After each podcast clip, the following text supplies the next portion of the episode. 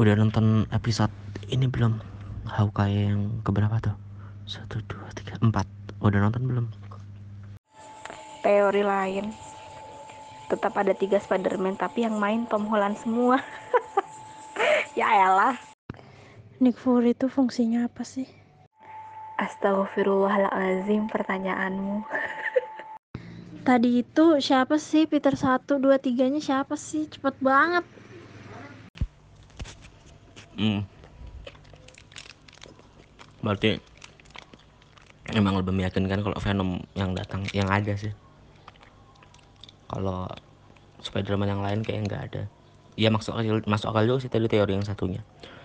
Si siapa? Tom Holland semua yang main tuh masuk akal. Hitung-hitung hemat ini kan. Hmm, pengeluaran untuk aktor. Lagi pandemi guys. Duit susah